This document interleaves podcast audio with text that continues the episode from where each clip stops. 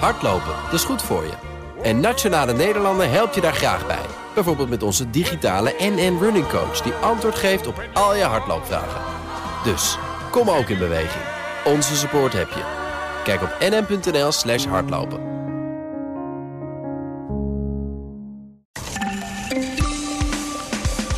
De Nederlandse Bank heeft opvallend harde kritiek op de witwasaanpak van banken. Want ondanks torenhoge boetes en talloze aansporingen gaat het daar nog altijd niet goed met de controles op verdachte transacties. Tot vijf uur mag er van alles, maar voor de poppodia en festivals blijkt dat geen oplossing te zijn. 80% van de popconcerten wordt afgelast. En de Europese Commissie komt met wetgeving die medewerkers van platformbedrijven als Uber, Deliveroo en Helpling meer rechten geeft. In principe zijn het werknemers, zegt de commissie. Dit is Nieuwsroom, de dagelijkse podcast van het Financiële Dagblad en BNR Nieuwsradio. Met het nieuws verteld door de journalisten zelf. Ik ben Mark Beekhuis en het is vandaag woensdag 8 december. Hallo, Rutger Bedlem van het Financiële Dagblad. Hallo. Op de voorpagina van de krant vandaag. Toezichthouder DNB kraakt witwasaanpak van banken. Eigenlijk verbaast me dat heel erg. Vind, vind je dat raar? Nee, dat vind ik niet zo uh, raar. Het, uh, het verbaasde mij eerlijk gezegd ook. Uh, banken hebben de afgelopen jaren ongelooflijk veel geld gestoken in het verbeteren van hun transactiemonitoring. veel mensen aangenomen, allemaal uit angst vanwege die ongelooflijk hoge boetes ook. En ja, DNB vindt het gewoon niet goed genoeg. Die zeggen wat de banken doen is het inhalen van achterstallig onder, onderhoud. Maar we zien weinig uh, echte uh, verbetering. Dus wat gaat er mis? Heeft de Nederlandse bank andere ideeën over wat banken zouden moeten doen dan wat banken denken dat ze moeten doen? Is het een soort spraakverwarring? nou, dat weet ik niet. Kijk, wat je natuurlijk ziet is dat de banken hebben dit heel lang een beetje op, op het beloop gelaten. Hè? Die hebben daar uh, wel aandacht voor gehad, maar alleen voor de meest uh, uh, duidelijke gevallen. Nou, ze moeten nu al hun klanten checken. Al hun dossiers zich tegen het, echt tegen het licht houden. Het is een ongelooflijk grote operatie. Um, en ondertussen wil DNB, en, en terecht denk ik, dat je ook kijkt naar wat er op dit moment gebeurt. je ziet dat de criminaliteit die neemt toe. Uh, het witwassen dat neemt toe. Uh, internationaal betalingsverkeer dat neemt toe. Uh, dus het zicht op transacties dat wordt gewoon minder. En um, ja, het is aan de bank om een poortwachtersrol weer te vervullen. Ja, dat is makkelijk gezegd. Maar zegt de Nederlandse bank er ook bij hoe dat dan moet bijvoorbeeld? Nee, de Nederlandse bank geeft geen specifieke regels. Die geeft een soort van gedragslijn. En dat doen ze omdat ze uh, uh, willen dat banken hun eigen verantwoordelijkheid nemen. Als je de procedures helemaal afkadert, dan zal je zien dat banken alleen maar het strikt, het strikt noodzakelijke doen. En dat is nou, nou juist wat de Nederlandse bank niet wil. De Nederlandse bank die wil van dat je actief kijkt naar waar zeg maar, de grootste risico's zitten. Ze willen geen vinkjescultuur waarbij je denkt: oh, check, check, check, check. Ja hoor, we voldoen aan de regels. Precies. En die vinkjes en die bestaat eigenlijk al in het witwassen dossier. Uh, dus je wil het niet nog erger maken. Wat denk jij dat de banken niet doen, wat de Nederlandse bank wel van ze verwacht? Ja, dat is altijd lastig te zeggen. Hè? Ik bedoel, de Nederlandse bank is uh, uh, aan de ene kant heel duidelijk. Hè? Dus dit soort um, harde kritiek uiten ze eigenlijk zelden. En zeker niet in het publieke domein. Hè? Dus ze zijn het blijkbaar zat ergens. Ja. Waar het dan exact aan schort, uh, dat blijft altijd een beetje gissen. Aan de andere kant zijn de banken natuurlijk ook gefrustreerd. Die geven heel veel geld uit. En ze staan er eigenlijk een beetje alleen voor. Uh, in 2008, na de financiële crisis, uh, of 2014 is het systeem veranderd over, overigens, maar na 2008 is gezegd, nou we gaan een ander systeem doen in Nederland. Mm -hmm. um, de banken zijn er verantwoordelijk voor de risico's. We gaan geen maatschappelijke bijdrage meer geven aan DNB. Uh, dus de banken betalen de toezichthouder. Ja. Dat klinkt mooi, Uh, en logisch, want zij zorgen ook voor de risico's. Maar dan ga je voorbij aan de maatschappelijke rol. En daar zit wat ergernis bij de banken. Want de banken zeggen, ja, wacht even. Er zit ook een maatschappelijke component aan dit werk. Dus die voelen zich eigenlijk, um, nou ja... Uh, In de steek gelaten bijna. Onnodig hard en gepakt. Ja.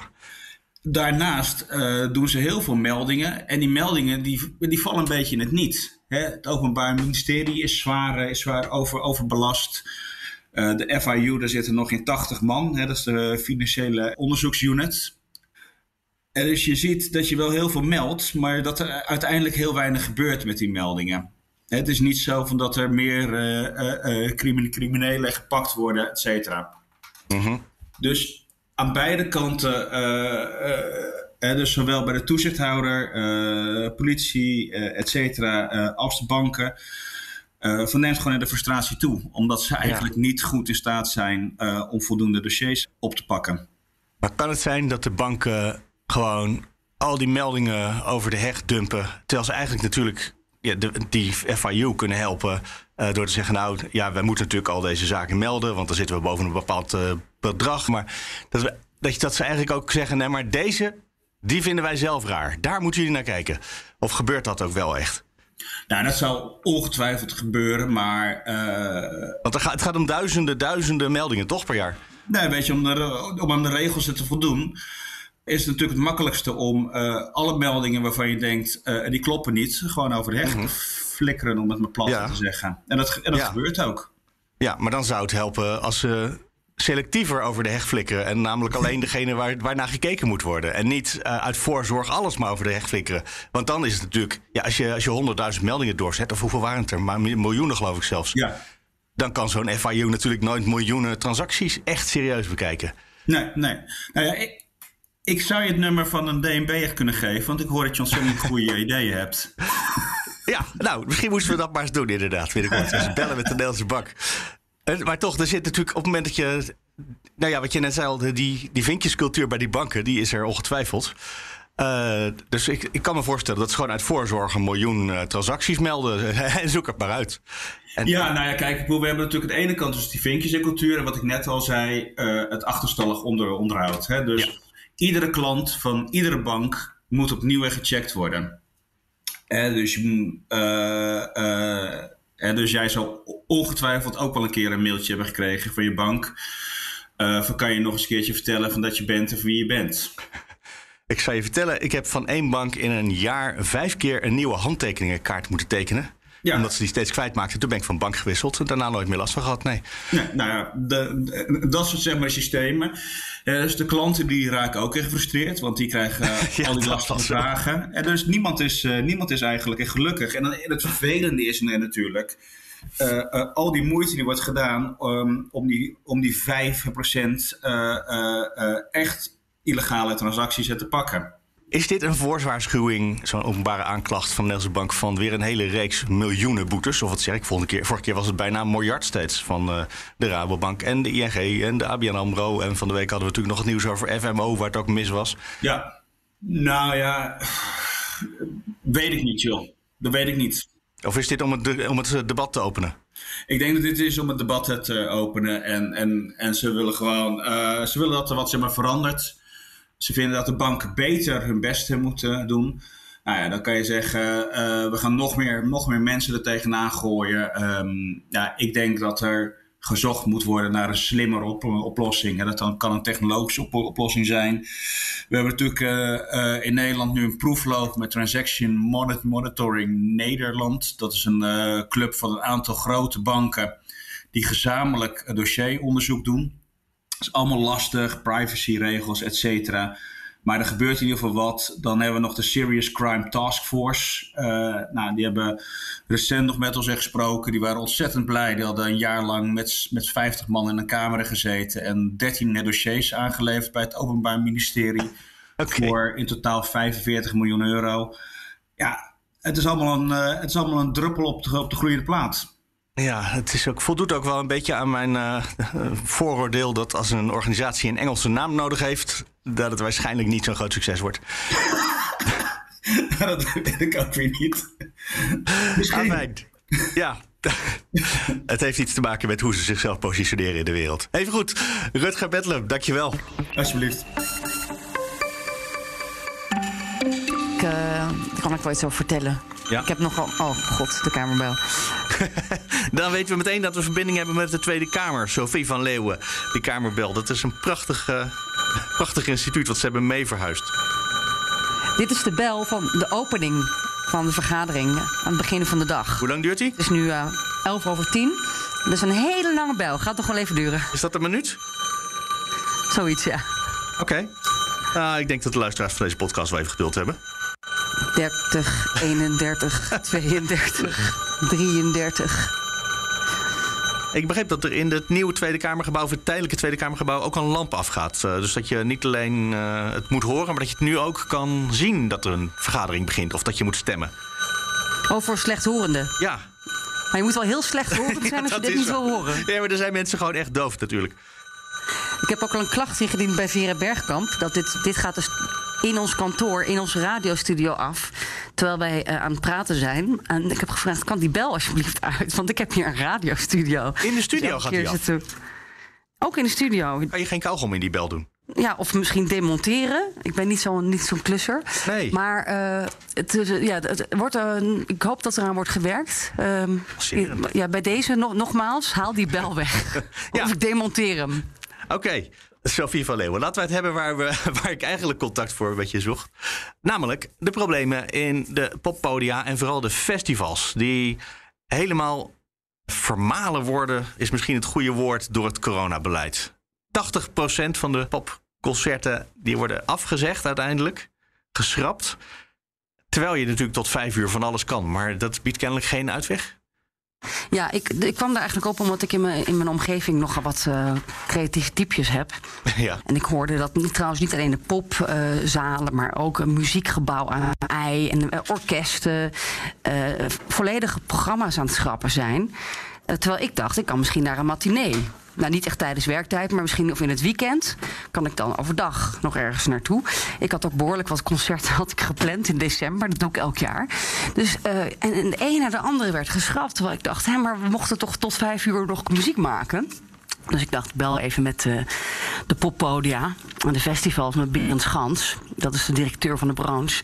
En die zegt, ja, het heeft geen enkele zin. Het is ontzettend veel werk om uh, al die mensen, um, eigenlijk voor de helft van je zaal moet je afbellen, want er mogen minder mensen in je zaal. Zo'n 450 in de Paradiso van de 1000. Moet je zeggen, ja, u mag niet komen en uw buurman wel. Nou, dat is een enorme logistieke klus. Geen zin in en het is eigenlijk ook onrendabel. Ja, dat is hartstikke veel tijd kost dat. Dus dan is het ja, je moet dan de artiesten gaan bellen. Ja. Willen jullie voor de helft van het geld spelen? Nou, die willen dat dan weer niet. Dus je kunt je voorstellen dat, dat, ze, dat ze helemaal knettergek worden in die sector.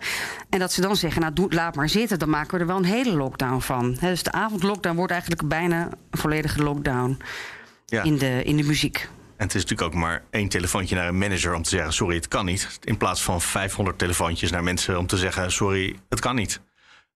dat is wel makkelijk ja. opgelost. Um, Inderdaad. Dus begrijpelijk. Uh, maar ja, jammer. Jammer natuurlijk. En, uh, en, uh, heel jammer. En dat betekent uitstel, uitstel, uitstel in heel veel concerten misschien na de winter. Als dat allemaal past. Of ja, niet? als de mensen dan beschikbaar zijn. Ik kan me ook voorstellen dat er langzamerhand bands zijn die denken... nou, weet je wat, hier overleven we het niet op. We gaan maar eens een andere baan zoeken. Ja, dat is de klacht die je hoort. Um, ook, ook dankzij de aanhoudende onzekerheid en een kabinet hè, die maar iets van drie weken vooruit kijkt. Persconferentie na persconferentie. Ontzettend veel mensen verlaten de branche. Um, de sector zelf spreekt nu van een brain drain.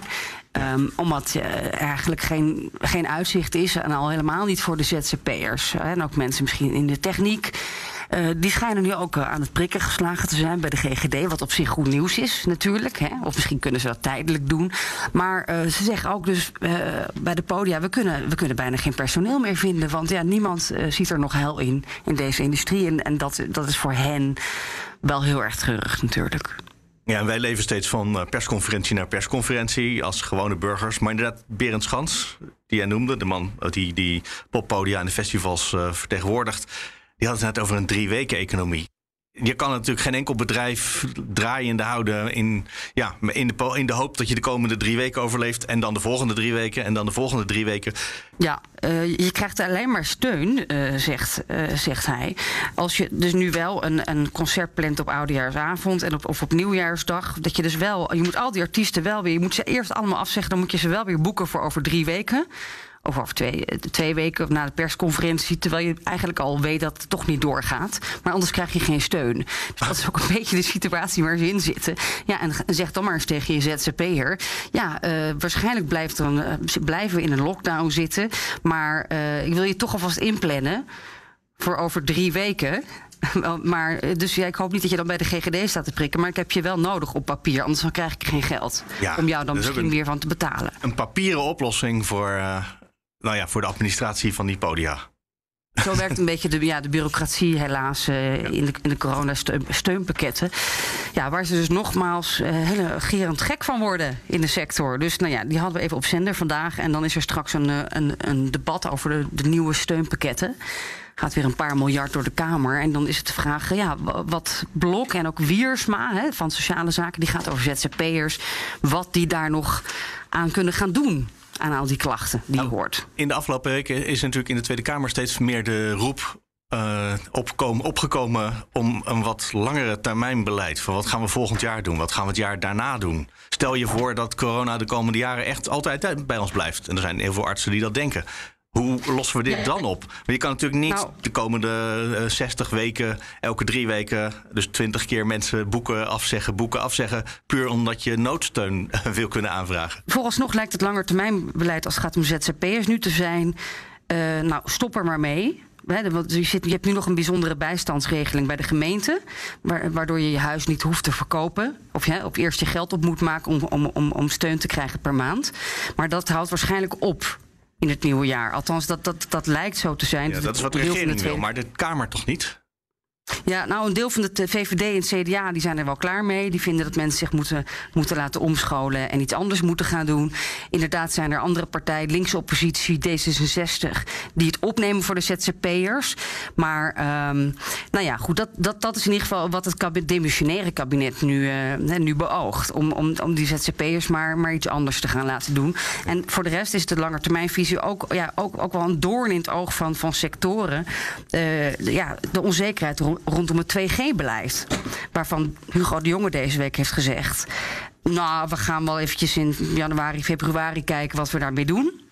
Ja, de, uh, behandeling van die 2G-wet is aangepast, hè? Uitgesteld. Die is uitgesteld. Is ook politiek ligt dat heel gevoelig. Is nog geen steun voor. Uh, we weten ook niet wat de Omicron-variant doet. En misschien blijven de sectoren toch wel dicht. Maar dat is onzekerheid. Omdat dus de festival, de popbranche, de muziekwereld... die willen eigenlijk juist wel heel graag iets met een corona-toegangsbewijs. Of 2G of 3G, maakt ze niet zoveel uit.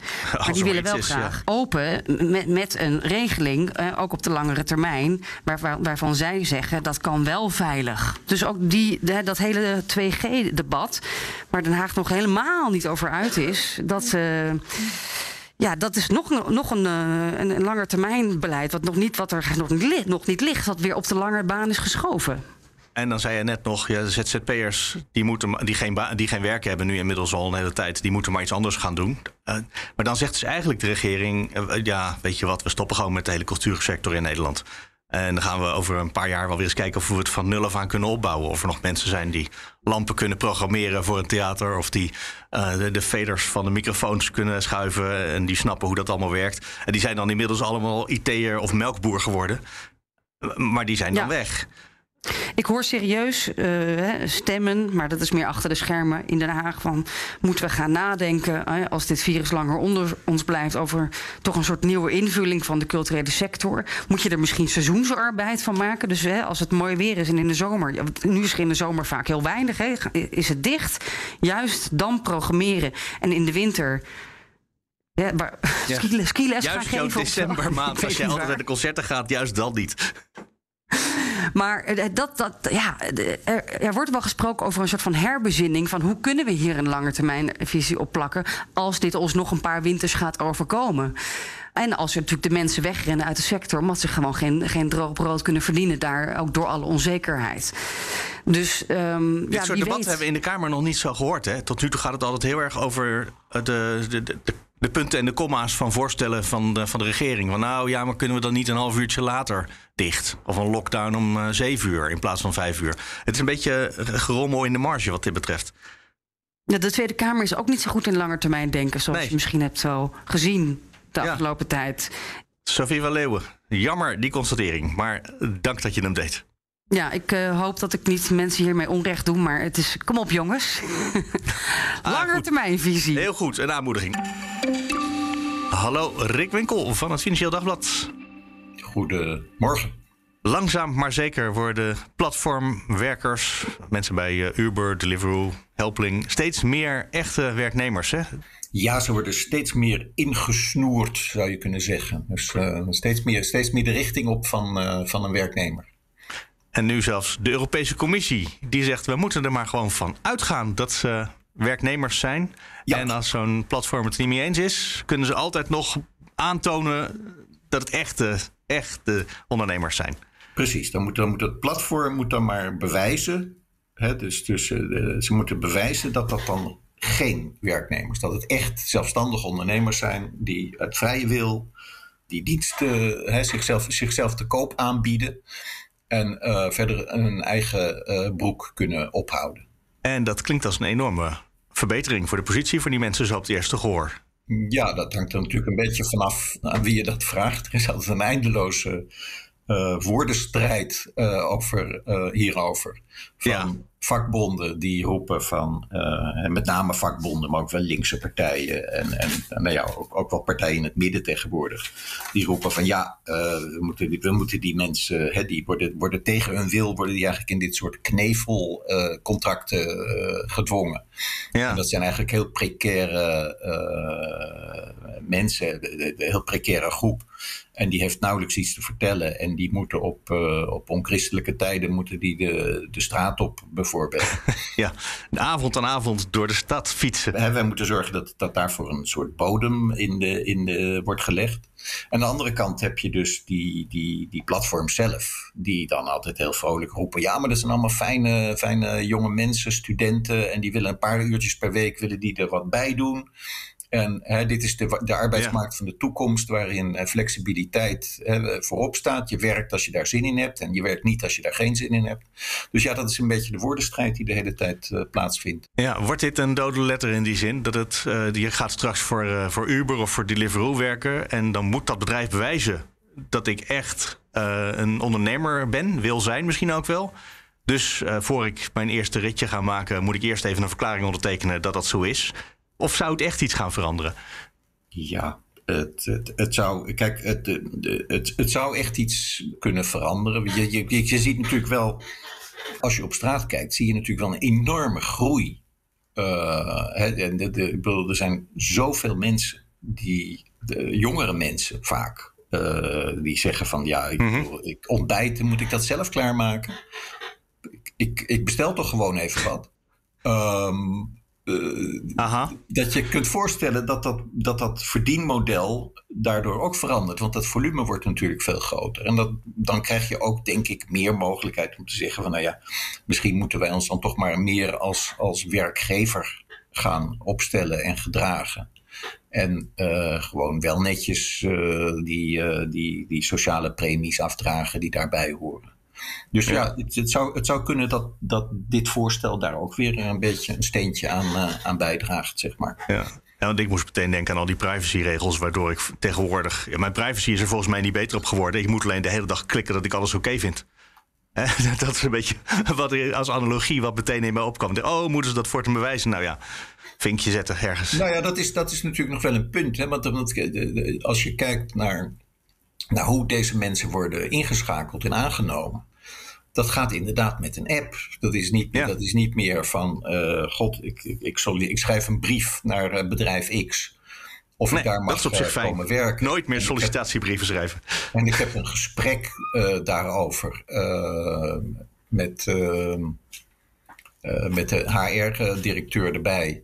Over op welke tijden ik dan werk enzovoort. Nee, dat gaat allemaal in drie klikken van ben je beschikbaar, ben je boven de 18, heb je een fiets of, of wat, wat, dan ook. En dan ben je, ben je aangenomen. Nou, dat is natuurlijk wel een, een, een moderne en snelle manier van mensen aannemen. Die, nou ja, hoe, je dat, hoe je dat dan ook weer uh, moet opvangen in uh, nette regeltjes, dat weet ik nog niet helemaal.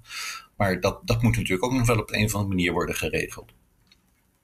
Ja, want er komen ineens functioneringsgesprekken ja. bij in plaats van reviews met 1 tot 5 sterren. Het wordt een hele andere wereld voor zo'n bedrijf. Ja, ja. Nou, wat, wat ik wel interessant vind in dat, in dat voorstel uh, van, die, van die commissie. En dat is nog maar een voorstel, dat moet, dat moet nog door het Europees Parlement. Nou, die zullen, dat, die zullen dat nog wel wat willen aanscherpen. Er zijn misschien lidstaten die zeggen, nou, misschien moet het ietsje minder. Uh, maar maar um, daar staat natuurlijk wel in dat die bedrijven ook wat, wat van uh, de, de, manier waarop die apps in elkaar zitten, hoe die algoritmes ervoor zorgen dat mensen bepaalde klussen krijgen en wat ze daar dan mee verdienen. Uh, dat daar meer openheid over moet komen. En, en dat is natuurlijk wel een heel gevoelig punt. Want ja, dat is, dat is de manier waarop ze uh, geld verdienen. dat is echt hun, hun, hun, uh, hun ja. bedrijfsgeheim. En ja, als, als, daar, als daar meer openheid over moet komen, dan, dan dat, ik denk dat dat een lastig punt wordt. Maar dat is natuurlijk wel heel nuttig als je als ZZP'er kan weten Nee, sorry, als binnenkort dus als werknemer kan weten op welke manier de klussen verdeeld worden. Uiteraard, uiteraard. Het is, want het is Daar, een beetje dan sta je veel sterker ook als, uh, als werknemer. Het is een beetje een black box op het ogenblik. Dus daar, daar, dat zal een beetje ja. geven en nemen worden, vermoed ik zo. Maar dat is wel een heel spannend uh, onderdeel van dit plan. Vind ik wel. Waar heel veel tegen gelobbyd gaat worden. Vind ik wel. Er staat, er staat ook in, dat vond ik, vond ik ook wel, wel, lijkt me ook belangrijk. Kijk, die algoritmes, die doen maar wat. Hè? Ik bedoel, die, tenminste, die, die, die, op een gegeven moment doen die algoritmes iets wat, wat mensen bedacht hebben. Maar op een gegeven moment neemt, neemt uh, de kunstmatige intelligentie dat over. Uh, en is, is de. Ja is, is de menselijke greep daarop helemaal verdwenen. En er staat in die, in die richtlijn dat daar toch een vorm van, van menselijk, menselijke supervisie en menselijk ingrijpen uh, mogelijk moet blijven. Om te voorkomen dat mensen natuurlijk helemaal, helemaal gek worden gedraaid door, uh, door het algoritme. en steeds, steeds kortere periodes krijgen waarin ze dingen moeten doen. Zou ik zomaar heel veel van dit soort bedrijven weg kunnen jagen? Je zei net, de, de groei zit erin, maar het zou kunnen zijn dat juist dit soort maatregelen je moet HR-beleid eigenlijk voeren, zeg je tussen de regels door. Je moet inzage geven in hoe die apps werken aan je medewerkers. Ja. Uh, dat uh, zou zomaar uh, bedrijven het land uit kunnen jagen. Dat zou ze, het zou ze het land uit kunnen jagen. Maar je zou kunnen zeggen, ze gaan op een gegeven moment, dat, dat zie je dan vaker. Met, die mensen beginnen als start-ups en het is allemaal heel wild en nieuw en klein en spannend. En op een gegeven moment, ja, je begint met uh, vijf man en dan wordt het honderd man. En uh, dan op een, uh, op een gegeven moment ben je Facebook geworden of zoiets dergelijks. En ja, ja. Dan, heb je, dan, heb je, dan, dan heb je gewoon van, van, vanzelf heb je al een enorm gebouw nodig. En je hebt, je hebt een HR-afdeling en je hebt een finance-afdeling. Je, je wordt gewoon op een gegeven moment word je geconsolideerd. En dan raak je. Dan, dan word je vanzelf een groot bedrijf. Ja. Dan heb, je, dan heb je die functies, die heb je toch al binnen, zal ik maar zeggen. En anderen zullen afvaren, dat, dat zal, vast, uh, zal vast gebeuren. Maar ja. Rick Winkel, dankjewel. We komen aan het einde en ik pak er nog snel even een mailtje van Joris bij. Die komt terug op een gesprek van vorige week, denk ik, over FFP2-maskers. En hij stuurt onder andere een linkje mee naar een artikel in het Duits van de Max Planck Gesellschaft. Die onderzoek gedaan hebben naar de effectiviteit van allerlei mondmaskers. Neusmondmaskers, moet ik zeggen. En onder andere las hij daarin, best belangrijk, slecht zittende maskers die geven tot 4% meer infectiekans. Terwijl goed zittende FFP2-maskers een kans van een paar promiel heeft dat je besmet wordt. Dat op zich is natuurlijk al interessant om te weten. In die podcast bespraken Meerte en ik onder andere dat die maskers niet in de supermarkt lagen, maar hij heeft ze inmiddels wel gezien in een supermarkt, in een Lidl. En Joris denkt dat dat alles te maken moet hebben met de journalistiek van Meerte. Wie weet. Dank voor je reactie. Wil je ook reageren? Mail naar nieuwsroom.fd.nl of nieuwsroom.bnr.nl. De show notes die vind je op bnr.nl slash nieuwsroom. Tot morgen.